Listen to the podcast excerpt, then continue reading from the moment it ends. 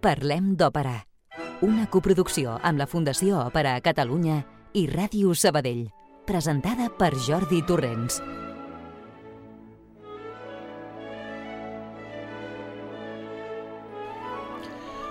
Bon vespre a tothom, benvolgudíssims oients. Avui ja de plen aquest any 2024 proposem ja el segon programa que contindrà una bona quantitat d'òperes, la majoria de les quals encara no han sortit en el Parlem d'Òpera de Ràdio Sabadell. Un programa que em fa molta il·lusió, diverses vegades ajornat, però que he decidit que ja n'hi havia prou i que calia fer-lo ja. I vosaltres com esteu? Heu resistit a les festes nadalenques i del nou any? Espero que sí, que no hagueu tingut gaire problemes amb indigestions i tot això que provoca el menjar massa i que igualment no hagueu estat víctimes de grips ni de Covid, virus que sembla que han campat a ple durant aquestes darreres dates i segueixen fent-ho. Nosaltres seguim amb lo nostre, que és parlar d'òpera cada setmana. Programa número 549, 11 de gener, dia de Sant Higini Papa.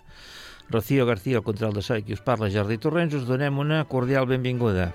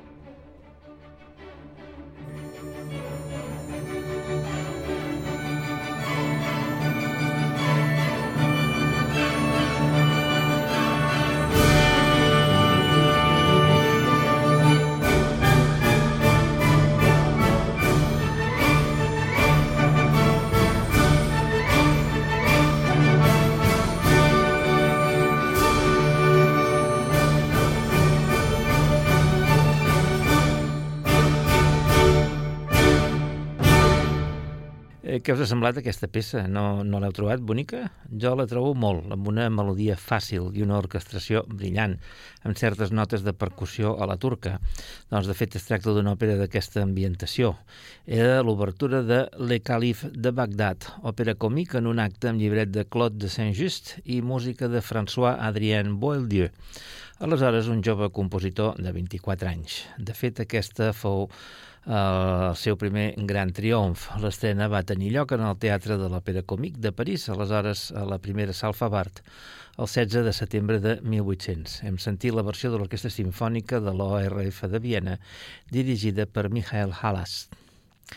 I ara us explico de què va el programa d'avui. Ja fa força temps, en el programa 222 del 7 de gener de 2016, o sigui que ja ha fet 8 anys, us vaig proposar com a tema els orígens de l'òpera còmica francesa, amb música de tres autors del segle XVIII, Philidor Monsigny i Gretry. Avui el que pretenc és escoltar música d'òperes del que considero com l'edat d'or d'aquest subgènere operístic que, en el meu parer, ocupa tota la primera meitat del segle XIX, entre 1800 i 1850, més o menys, però no serem tan estrictes amb les dates. A base de presentar compositors de 3 en 3, farem una sèrie de, de també tres programes, i el d'avui serà el primer. Esperem que us agradin, ja que penso es tracta de música sempre molt agradable. Parlem d'òpera, amb Jordi Torrents.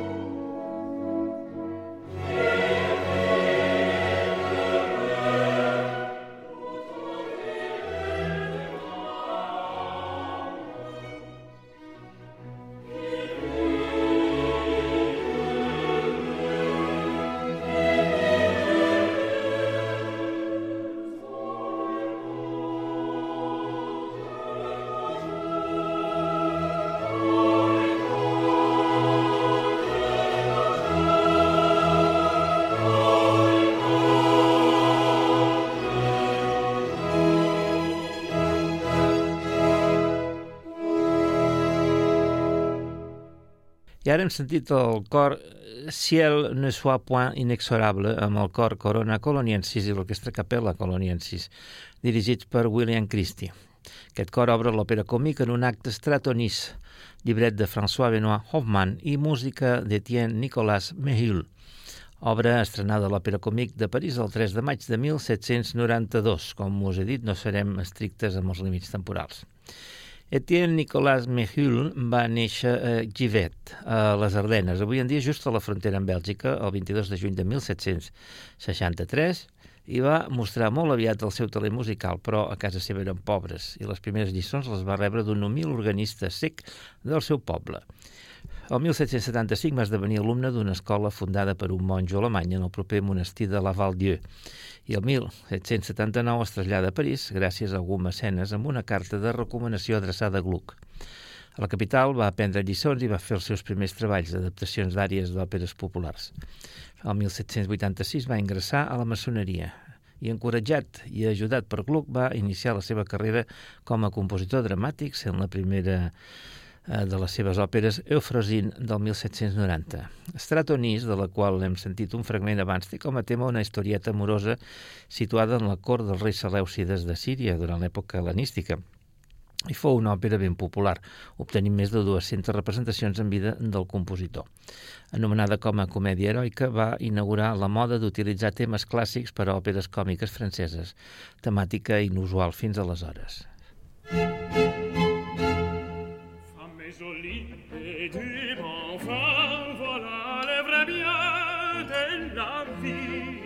femme jolie et du bon vin, voilà le vrai bien et la vie.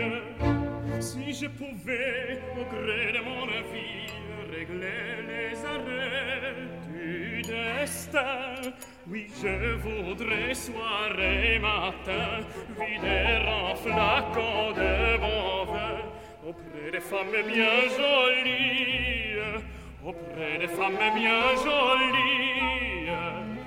femme jolie et du bon vin. Voilà le vrai bien, voilà le vrai bien de la vie. Femme jolie et du bon vin. Voilà le vrai bien de la vie. Quand on est jeune, on désire, on adore.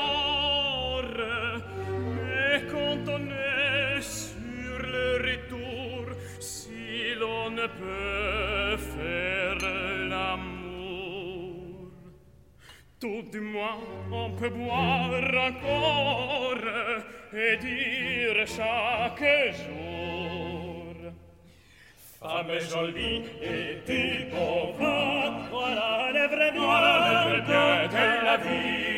Femme jolie et tu beau, voilà les vrais biens de la vie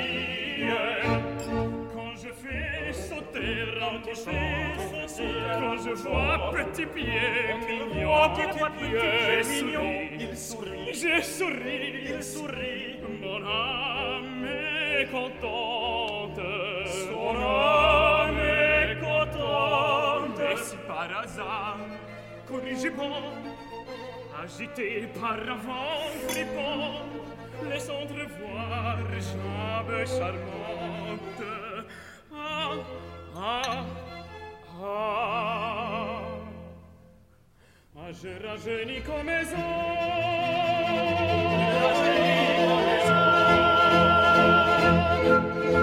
Je sens, il sent, j'éprouve, il éprouve, je chante, il sauvante, je chante, il chante, chante, chante.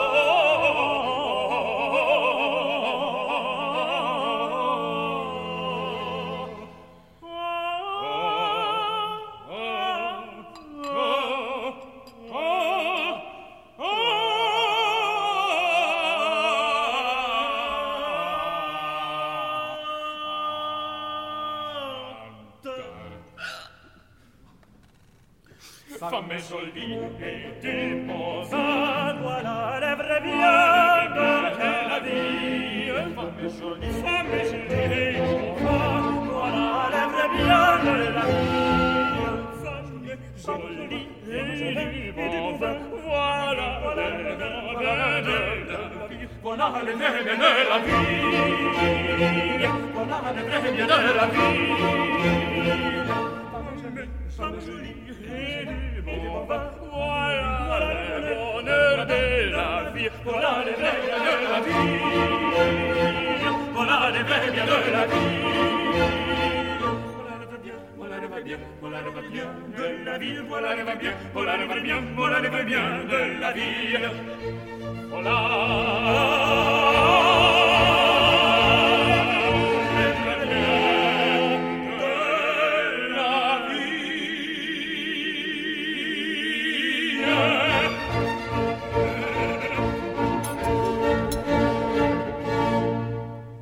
Ara hem sentit el trio Femme Jolie du Bon Vin, amb Georg Poplutz, eh, tenor com a baluart, Cyril Oviti, tenor com a Lisandra, i Miljenko Turk, baix com a escapar. Eh, L'orquestra L'Arte del Mundo sota la batuta de Werner Erhardt. Pertany a l'Irato u l'Emporté, òpera còmic en un sol acte llibret de Benoit Joseph Marsolier, estrenada a l'òpera còmic el 17 de febrer de 1801 qualificada com a òpera parade. Aquesta obra està escrita en un estil més lleuger que les nombroses òperes compostes per Méhul durant la dècada de 1790. Aquesta obra, que en català podríem traduir com l'home enfadat, més o menys, va obtenir un gran èxit i sembla que Méhul la va fer per complaure Napoleó, que criticava el compositor per bé que eren bons amics, per compondre una música d'un estil massa teutònic, més científic que plaent, això entre cometes mentre que ell preferia la música més d'estil italià, cosa que l'Irato o l'Emporté conté en abundància. La trama ens parla d'un Pandolfo, un home ric i permanentment emprenyat, que amenaça de desheretar el seu nebot Lisandre, que està enamorat d'Isabel, la qual l'oncle vol casar amb el pedant Baluart. Eh, el servent Escapin ajuda Lisandre perquè tal que tot surti bé. Un argument que d'alguna manera em fa recordar el de Don Pasquale. Cinc anys després d'aquesta òpera, Mehul estrena Uthal, eh, de nou una òpera còmic en un acte amb llibret de Jacques Benjamin Maximilien Benz de Saint-Victor. En quins noms més llargs, per favor. Estrenada l'òpera còmic el 17 de maig de 1806. La font literària van ser els poemes oceànics de James Macpherson, mm, inspirat en el llegendari bard irlandès Ocean. En aquella època els poemes de Macpherson van estar molt en boga a Europa i va generar una onada d'obres, entre elles aquesta òpera Udal, a la qual Mehill va intentar donar una atmosfera obscura de caire escocès, doncs la trama transcorre a Escòcia, tot eliminant els violins de l'orquestra i substituint-los per violes. Una instrumentació, doncs, experimental. Això no va agradar al públic i l'obra va tenir un curt recorregut de només 15 representacions. L'argument ens parla d'Ital, que ha pres les terres del seu sogre l'Armor. Malvina, l'esposa d'Ital, se sent dividida entre l'amor al seu espòs i el seu pare i cerca en va d'aturar la guerra. Ital és derrotat i desterrat. Malvina el segueix a l'exili mentre ell confessa el seu error i es reconcilia amb el sogre. I ara sentirem d'Ital el cor dels bards, Pré de Balva, amb Philippe Nicolas Martin al cap dels bars, Karine Desé, Malvina el cor de cambra de Namur i l'etanol líric dirigit per Christophe Rousset.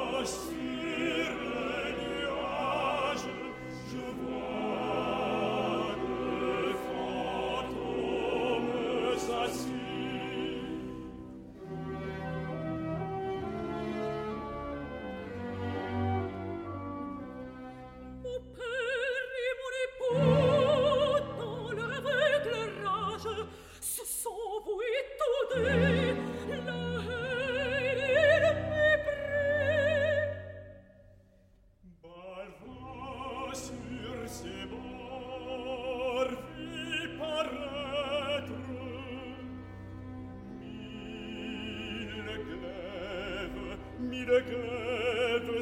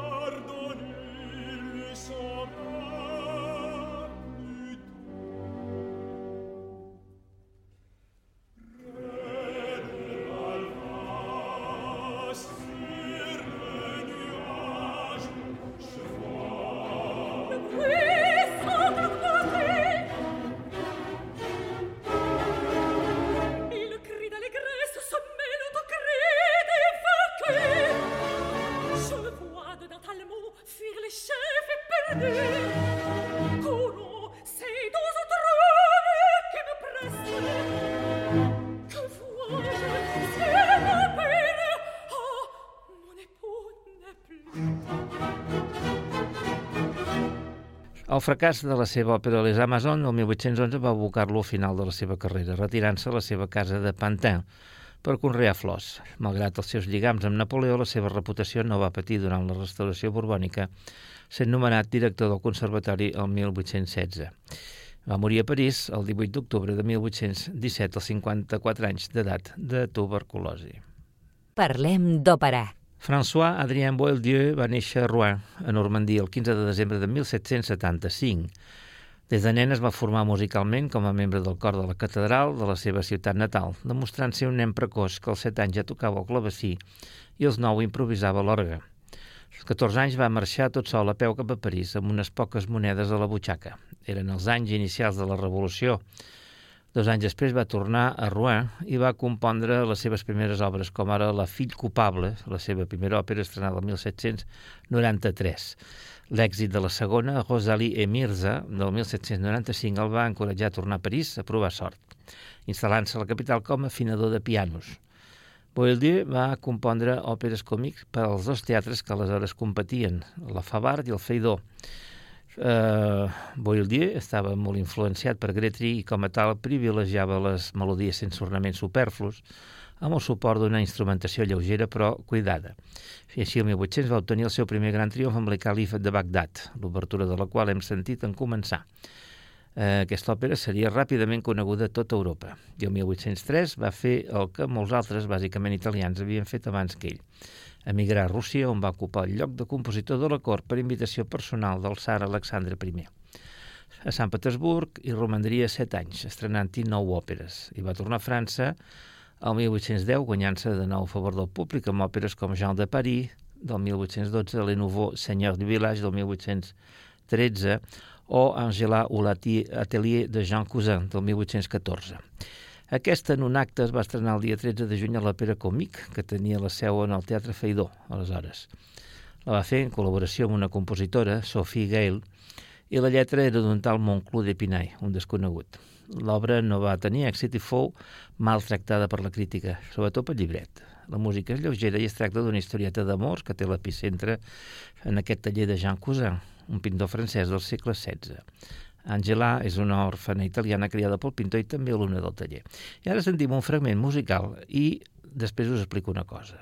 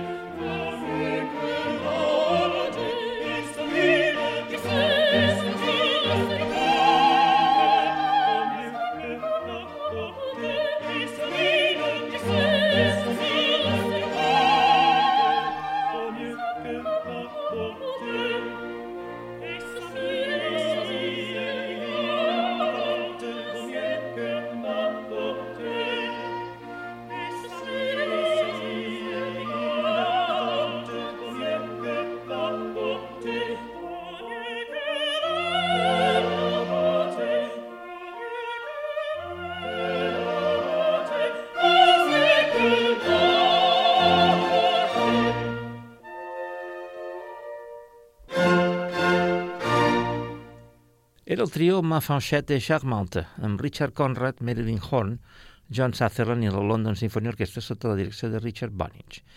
Aquest fragment procedeix d'un CD doble eh, de nom The Age of Bel Canto, un recopilatori de la Deca, on apareix com a obra de Boieldieu i d'aquesta òpera en concret, Angela. No obstant, després vaig veure que no era així. Googlejant molt vaig veure que en realitat provenia de Les Deux Jaloux, una obra anterior de la coautora d'Angela, Sophie Gale, estrenada a l'òpera còmica el 27 de març de 1813. Ens val perfectament com a exemple d'òpera còmica francesa i és una música ben agradable i he decidit deixar-la. En tot cas, em costa de creure com la discogràfica ha comès aquest error tan greu. Ho explico perquè no es pugui dir que és culpa meva, eh? Queda dit. Seguim. El 1817, eh, Boieldier és elegit membre de l'Acadèmia de Belles Arts en substitució de Meul, que acabava de morir, i el 1820 va rebre la Legió d'Honor. El 1825 estrena la que es considera encara avui, avui en dia com la seva millor obra, si més no, la més coneguda, La Dame Blanche. El llibretista fou el cèlebre Eugène Scribb, que es va inspirar almenys en cinc obres del literat escocès Sir Walter Scott, entre ell Guy Mannering, The Monastery uh, i The Abbot. Uh, perquè la Dame Blanche és una òpera que es va apuntar a la moda de les ambientacions escoceses tan estimades pel romanticisme a partir de la Dona del Lago de Rossini, estrenada a Nàpols el 1819, si bé ja hem vist que Mehill es va avançar seguint la moda dels poemes oceànics, i tal, el 1806. La Dame Blanche, que va pujar a escena el 10 de desembre de 1825 a l'òpera Comique, Eh, és una òpera que ho té tot, en el sentit dels elements que conformen eh, aquestes ambientacions fosques, humides i nòrdiques de les terres altes escoceses. Localització en un poblet, un hereu perdut, un castell misteriós, un tresor amagat i fins i tot un fantasma, que realment no ho és, aquesta dama blanca que conforma el títol de l'obra.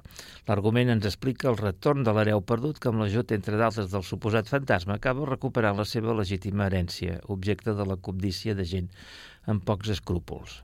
Podem dir que la Dame Blanche constitueix un dels primers intents d'introduir temes de caire fantàstic en el gènere, exercint així la seva influència en obres posteriors, com ara Robert Le Diable de Meyerbeer del 1831, La nona sanglante de Gounod de 1854 i Faust del mateix autor del 1859. La Dame Blanche va gaudir d'un gran èxit que va perdurar durant el segle XIX a França, però també fou popular a Alemanya.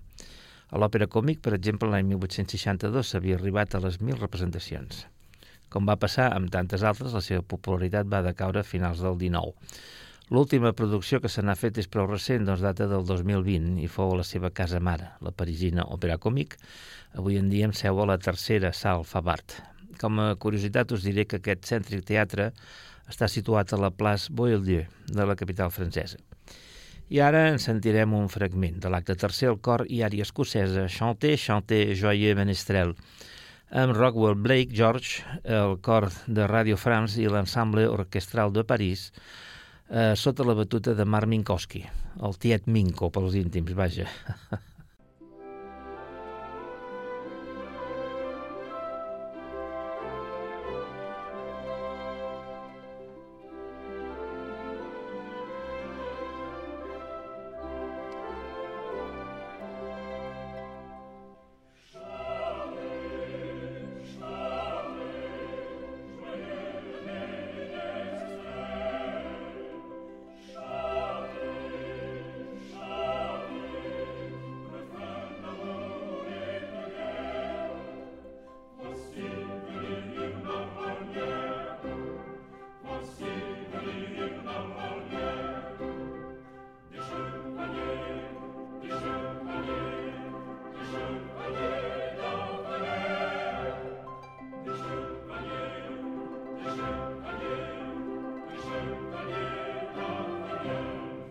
est dans ce refrain Quel est dans ce refrain.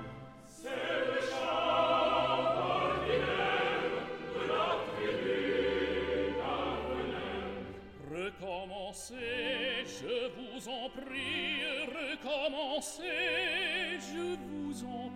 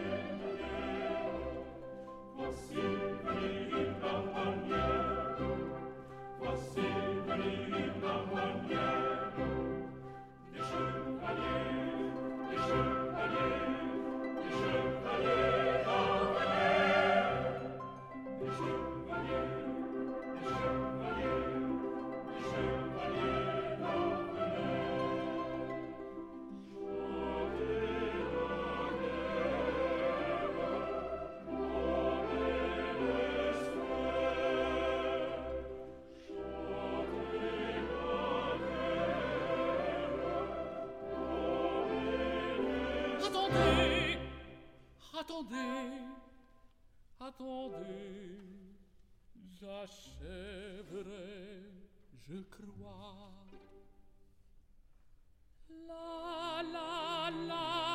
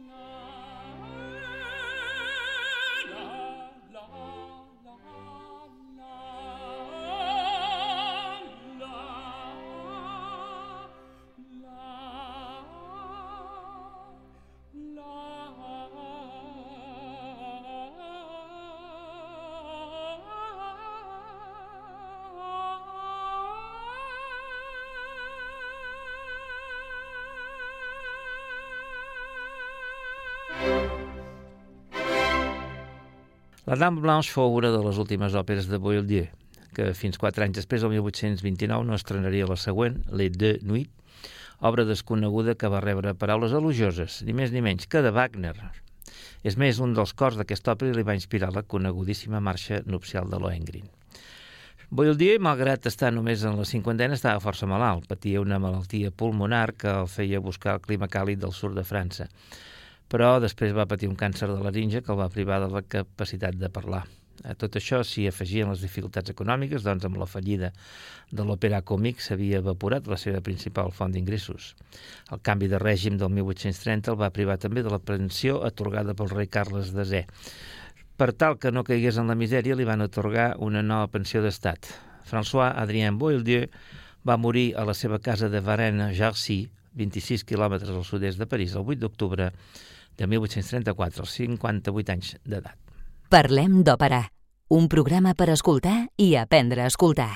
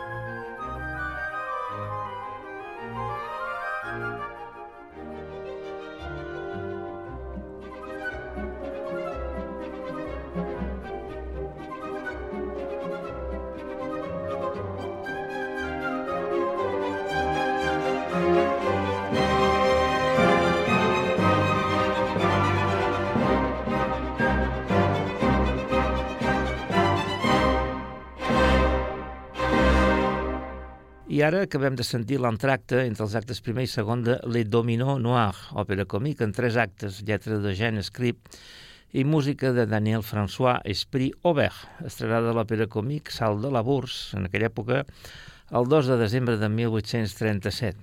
Aubert serà el tercer i darrer compositor del que parlarem avui. Aubert, com Boieldier, era originari de Normandia, havent nascut a la ciutat de Caen, el 29 de gener de 1782 en el si d'una família d'artistes que en els anys de la Revolució es va instal·lar a París on el pare va obrir un comerç d'estampes que volia que fos la dedicació del fill, però aquest va començar a demostrar les seves aptituds musicals. Ell es va començar a dedicar a la música com a dilettante i el 1805 una companyia amateur mm, li va representar la seva primera obra, una petita òpera còmic de nom L'Horreur d'un moment.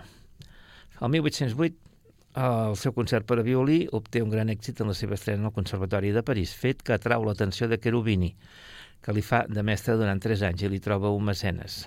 Aubert va anar estrenant obretes fins que el 1819 mor el seu pare, arruïnat, i el posa davant responsabilitats financeres com a cap de família amb una mare i un germà per mantenir. Aleshores decideix esdevenir músic professional, eh, convertint-se en un compositor ben prolífic amb una mitjana d'una òpera a l'any, el que Aubert necessitava per triomfar plenament era un bon llibretista i abat el va trobar en Eugène Scrip, amb qui va fer 37 òperes, ni més ni menys. El que es pot considerar el seu primer gran èxit fou Le Masson, estrenada al maig de 1825.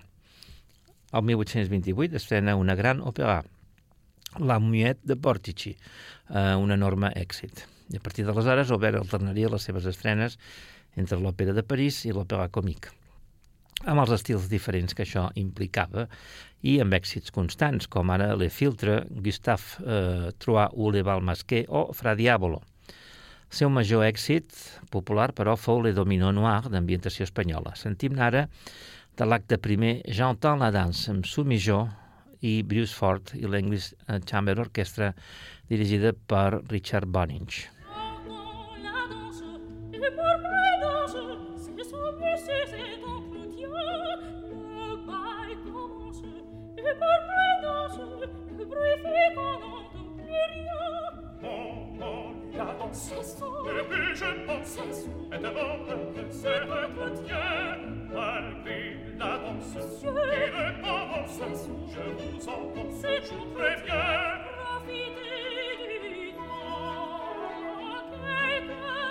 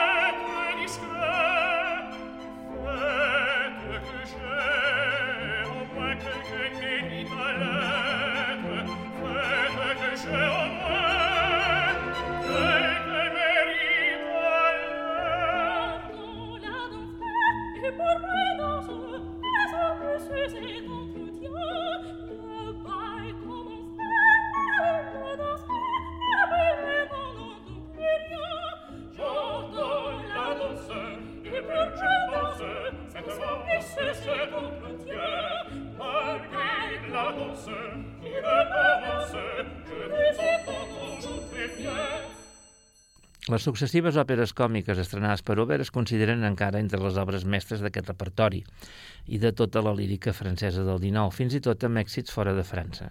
Entre elles figuren Le Cheval de Bronze, del 1835, Le Diamant de la Couronne, del 1841, La Part du Diable, de 1843, o Haidé ou Le Secret, del 1847. Aubert assoleix el cim de l'escola francesa, ajudat d'una banda per la prematura desaparició de Herold, i d'una altra per la incomprensió del públic cap a Berlioz. L'únic que li pot fer una mica d'ombra és Halévy. El 1842 és nomenat director del Conservatori de París, càrrec en el que succeeix Cherubini. I ara sentirem música d'una de les seves obres menys conegudes, que és l'òpera còmica en tres actes amb llibret d'escrit La Sirène, estrenada el 26 de març de 1844 eh, a la Salfabart, una historieta situada a les muntanyes italianes dels Abruzzi. Es tracta del couplet Prends garde montagnarde, acte segon amb Jean Crusoe, Zerlina i l'orquestra de Frivolité Parisien, dirigida per David Relan.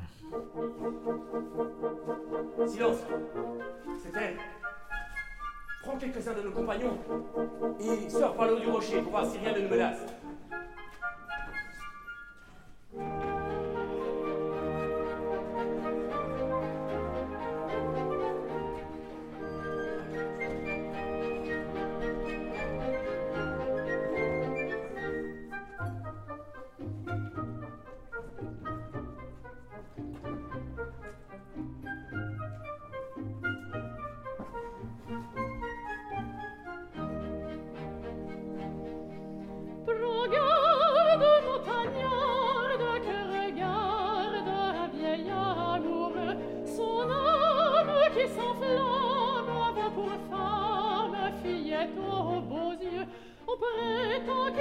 piazza e tu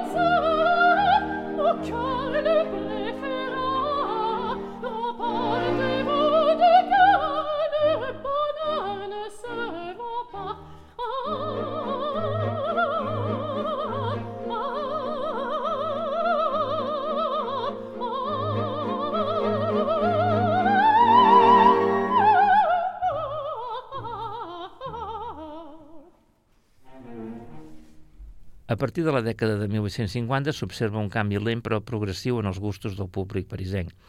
L'òpera còmica hegemònica durant ben bé mig segle va perdent adeptes. Això ho comprova Aubert en les seves pròpies carns. Doncs ell segueix component com sempre, però no recull tants èxits. La preferència va més aviat cap a les òperes buff d'Offenbach, que no tenen res a veure amb les òperes còmic, o les més serioses de Gounod, Thomas o el mateix Verdi. No obstant, a l'avançada edat de 74 anys, Aubert encara és capaç de produir una obra mestra en el terreny de l'òpera còmic, sempre amb llibret d'escrit.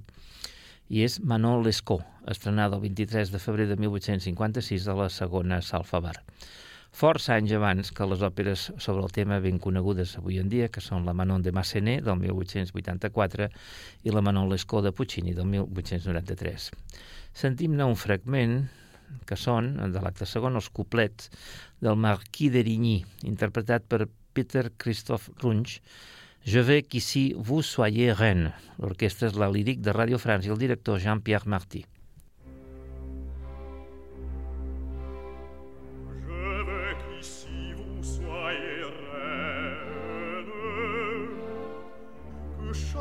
Soit à vos genoux,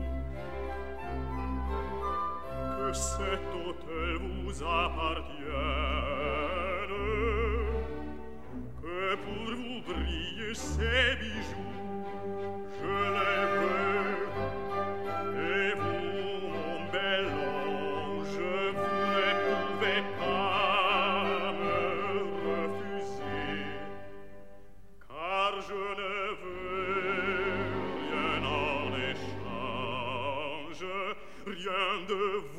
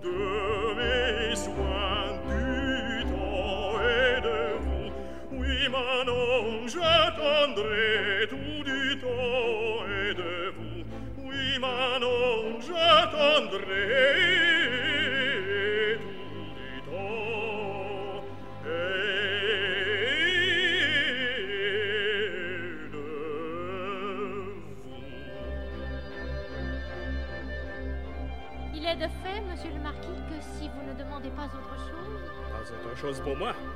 Mais pour d'autres, c'est différent.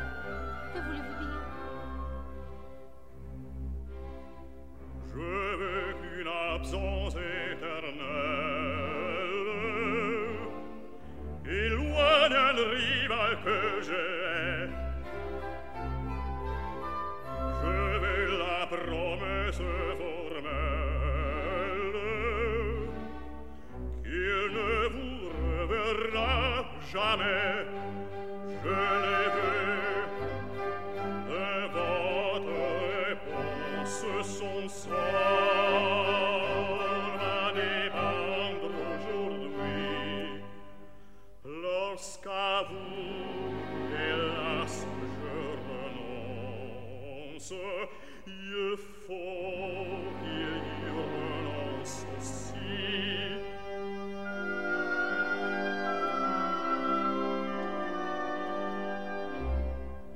sans espoir et sans exigence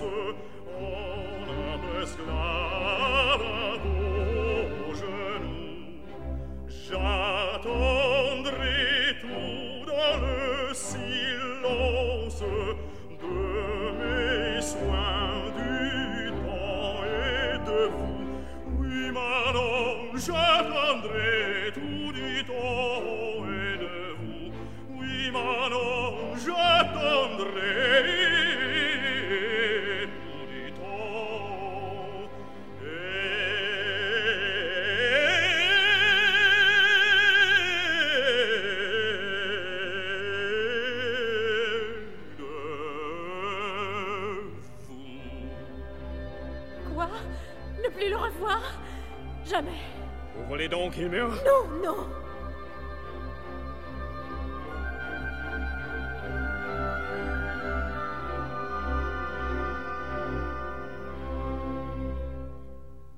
La seva darrera obra fou Rêve d'amour, estrenada amb poc èxit el 20 de desembre de 1869. Daniel François Esprit Aubert va morir a París el 12 de maig de 1871 a la notable edat de 89 anys. Una vida llarguíssima per a l'època. I jo avui m'aturo aquí. La setmana que ve tenim més coses per explicar-vos. No falteu, eh? Adéu-siau i fins dijous que ve. Contacta amb nosaltres. Òpera arroba radiosabadell.fm